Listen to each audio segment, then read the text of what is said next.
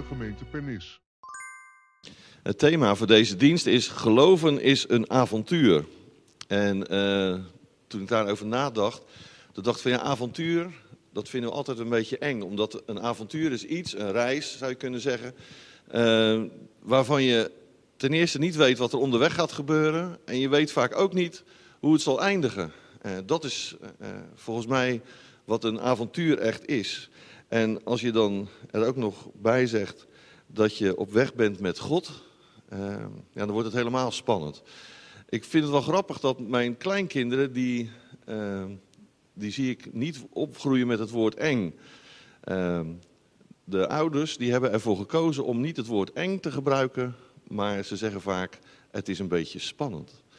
En eh, misschien is dat ook wel eh, iets voor jullie om hier te staan. Of eh, misschien is dat ook wel de reden dat we een aantal mensen misschien vanmorgen dachten... nou, ik kijk het rustig aan thuis. En ik vind het een beetje spannend om dan hier te staan. Dat is voor mij natuurlijk ook altijd zo. En u weet dat ik al heel veel diensten heb gedaan en ook nog, nog steeds doe. Volgende week eh, ben ik ook weer weg en dat eh, één keer per maand mag ik dan ergens een, eh, een dienst doen.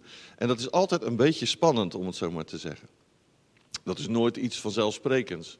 En dat lijkt soms wel zo als, ik, als je dan daar staat en denkt van, ja, oh ja, nou die praat makkelijk en dat, dat gaat wel vanzelf. Maar dat is echt niet zo.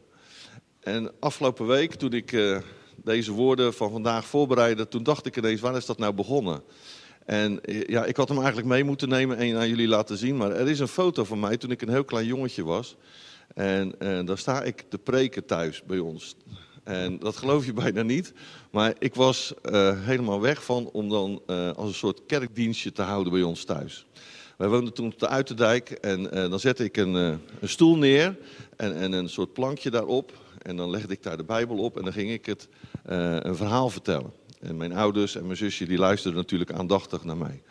Dat zal eh, best het geval geweest zijn. Ik weet ook nog dat ik vooral bedreven was in het vertellen van het kerstverhaal. En één keer toen eh, ging ik met mijn vader naar een oude tante van hem. Die woonde in, in eh, Schiedam in een bejaardentehuis. En toen moest ik natuurlijk daar, nou ja, ik noem het maar even, optreden. Want mijn vader die vond dat ik dat kerstverhaal zo mooi kon vertellen... dat ik dat aan die oude tante ook wel kon vertellen. Dus ik ging toen staan en ik heb toen ook het kerstverhaal daar vol vuur eh, staan te vertellen. Tenminste, zo herinner ik het mij. Eh, het was misschien wat stotteriger dan ik nu vertel, maar ehm, dat was in ieder geval eh, in- toen ik heel klein was. En dan zou je voor, zeggen van, nou ja, dan ben je voorbestemd om voorganger te worden. En dat ben ik nooit geworden. Ik ben onderwijzer. En ja, dan heb je ook altijd de kans om in ieder geval iets te vertellen. Eh, en dat de mensen gewoon luisteren naar je, zonder dat ze, dat ze al te veel reageren. Hoewel dat in de klas wel eens eh, anders is, maar... Ehm, dat, dat was eigenlijk wel een leuk begin, wat ik me herinnerde van vroeger. Ja, ik heb eigenlijk een soort gelijk verhaal als wat Corrie zojuist vertelde. Ik ben op eh, 19-jarige leeftijd gedoopt, ook in deze gemeente. Dat was toen nog op de Jagerslaan eh, in Rotterdam-Zuid. eh, waar we, omdat we hier nog geen eigen gebouw hadden. Dat is eh, kort daarna pas eh, gebouwd, was in 1980. En, ehm, en daarna heb ik veel avonturen beleefd. En ik weet niet of ik het nou pas geleden nog verteld heb, maar er was eh, op tweede kerstdag altijd het kerstfeest voor allen. En Op de eerste kerstdag hadden we altijd een gewone kerstdienst. Maar op de tweede kerstdag was er een kerstfeest voor allen. En terwijl ik het zeg, denk ik van moeten we dat weer eens instellen? Of, eh, nou goed, we moeten maar eens over nadenken. Maar toen kon iedereen een bijdrage leveren aan de dienst. En niet zoals nu, maar gewoon je kon eh, iets vertellen, iets zingen. eh, zelfs verhalen vertellen die je had meegemaakt of wat dan ook. En iedereen mocht zijn, of haar bijdrage leveren. Maar dat moest ook aan elkaar gepraat worden. En Feije, Feije Sikkema die had aan mij gevraagd, wil jij dat dan leiden? En ik was eh 18 en ik had geen flauw idee hoe dat moest. Dus wat ik had gedaan, ik had een, een multimapje en had ik alle blaadjes helemaal volgeschreven met tekst. Want dat ging ik allemaal zeggen. En eh, nou, dat is eigenlijk het begin geweest. Want daarna werd ik wel eens gevraagd om een keer een stukje in de dienst te doen en uiteindelijk ook eh, te spreken en dergelijke. Nou, ik zei al, eh één keer per maand, dat, was wel vaker, maar we hebben dat beperkt tot één keer per maand. Tegenwoordig, als je trouwens iets op je hart hebt en je zou een dienst willen leiden, dan kun je in het land overal optreden, om het zo maar te zeggen, want er, zijn overal sprekers tekort.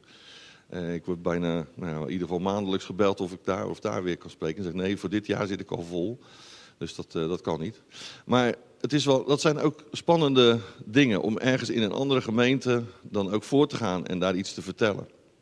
En zo was ik ook pas geleden ergens in een, uh, in een gemeente en daar sprak ik over deze woorden. En die wil ik ook met jullie nog even delen. Het gaat over Matthäus 9, het laatste verse. En daar staat, Jezus trok rond langs alle steden en dorpen. Hij gaf de mensen onderricht in hun synagogen, verkondigde het goede nieuws over het koninkrijk en genas iedere ziekte en elke kwaal.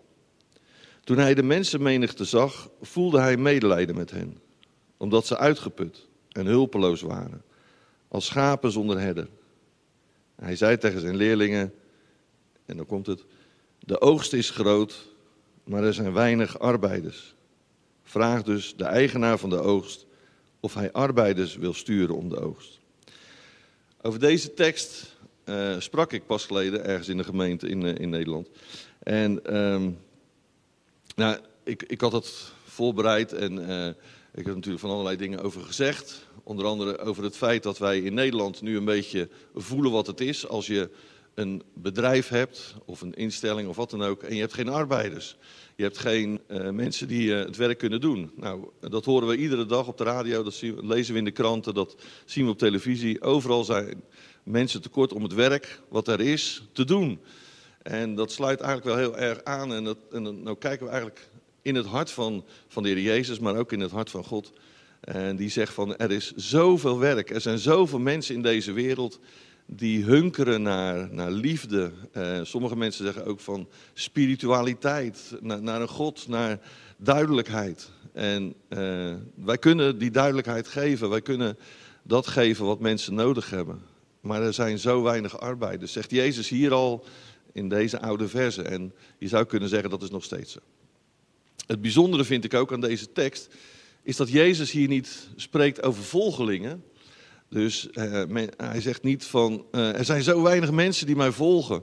Nee, er zijn te weinig arbeiders. Mensen die de handen uit de mouwen steken en het werk voor hem op deze aarde doen. En dat kan heel klein zijn. Ik heb ook wel eens gezegd, als we uh, oud zijn en, en dat niet meer echt erop uit kunnen, dat we altijd nog het wapen van het gebed hebben. Wat eigenlijk ook weer de motor is van het geloofsleven. Maar Jezus die spreekt hier dus over die arbeiders. En hij zegt, de, arbeid, de oogst is zo groot. En dat zegt hij eigenlijk met pijn in zijn hart, eigenlijk met tranen in zijn ogen. Er zijn zoveel mensen die nog bereikt moeten worden, maar er zijn geen arbeiders. Nou goed, ik had over die tekst gesproken. En na afloop, dan loop je naar een zaaltje, net als hier zo, uh, zaal 2, waar je dan uh, je, je headset even afdoet. En soms komen mensen dan nog naar je toe om iets te zeggen. En uh, nou, het is ongeveer een maand geleden. En toen kwam er iemand, terwijl ik de, headset afdeed en nog even nadacht. En toen kwam er iemand dat kamertje binnenlopen. Met tranen in zijn ogen. Het was een, een man, ik denk van een jaar of zeventig. Hij had tranen in zijn ogen en hij zei, ik vond het zo mooi, want deze tekst spreekt mij altijd zo erg aan. En toen dacht ik van, ja, tranen in zijn ogen, dat kan zijn en natuurlijk, toen hij dat nog niet gezegd had, zou het kunnen zijn dat hij het zo erg vond dat ik, wat ik allemaal gezegd had. Er zijn ook wel eens mensen die dat dan tegen je zeggen. Maar uh, in dit geval vond hij de tekst heel erg mooi en ook de uitleg daarover. Maar toen voegde hij er nog iets aan toe. En dat zou ik vanmorgen ook met jullie willen delen. Over getuigenis en avontuur met God gesproken. Hij zei toen, deze tekst is al zo vaak besproken. Er is al zo vaak over gepreekt. Ik heb het al zo vaak gelezen. En dan denk ik altijd, oh ja, er zitten hier mensen om me heen en die zouden die tekst eens te harte moeten nemen. Die zouden eens moeten zeggen, ja inderdaad, het is zo dat Jezus toen al arbeiders nodig had en vandaag de dag nog steeds arbeiders nodig heeft. En diegene die naast me zit, die zou er eens over na moeten denken, wat dat voor hem of haar betekent. En toen zei hij, maar er was een moment, een aantal jaren geleden, dat ik heb gezegd van nee, dat is niet voor die ander, deze tekst is voor mij. En toen heeft die man, vertelde hij mij toen, een heel ja, rigoureus besluit genomen. Hij had een goed lopend bedrijf. Hij heeft dat bedrijf verkocht en is gaan studeren uh, de zogenaamde tweede wegopleiding aan ons seminarium. En hij heeft toen een, uh, ja, is toen voorganger geworden. Uh, daar heeft hij een aantal jaren over gedaan. En uh, uiteindelijk heeft hij, zo vertelde hij mij, nog twee gemeenten mogen dienen. En op dat moment kwam zijn vrouw erbij staan. En hij had nog steeds die tranen in zijn ogen. En toen zei ze, ja, maar dat kun je nu niet meer. Er was iets met hem aan de hand, we hebben daar verder niet over gesproken. Maar hij kon op dat moment, was hij niet meer in staat om het werk te doen wat hij zo graag deed. En waar de Heer Jezus hem hier eigenlijk had opgeroepen. Maar de kern van het verhaal is dat hij dus niet dacht van, dat is voor die ander. Maar deze tekst, en zo mogen we misschien iedere zondag ook naar teksten luisteren. Niet zozeer van, oh ik hoop dat die of die het hoort. Maar hoor ik het goed zelf en daalt het goed in mijn hart. En wat ga ik ermee doen? Want de oogst is groot, maar arbeiders zijn er weinig. En dat is een enorm avontuur, zo vertelde die man mij ook. En dat is best een beetje spannend, om het zo maar te zeggen.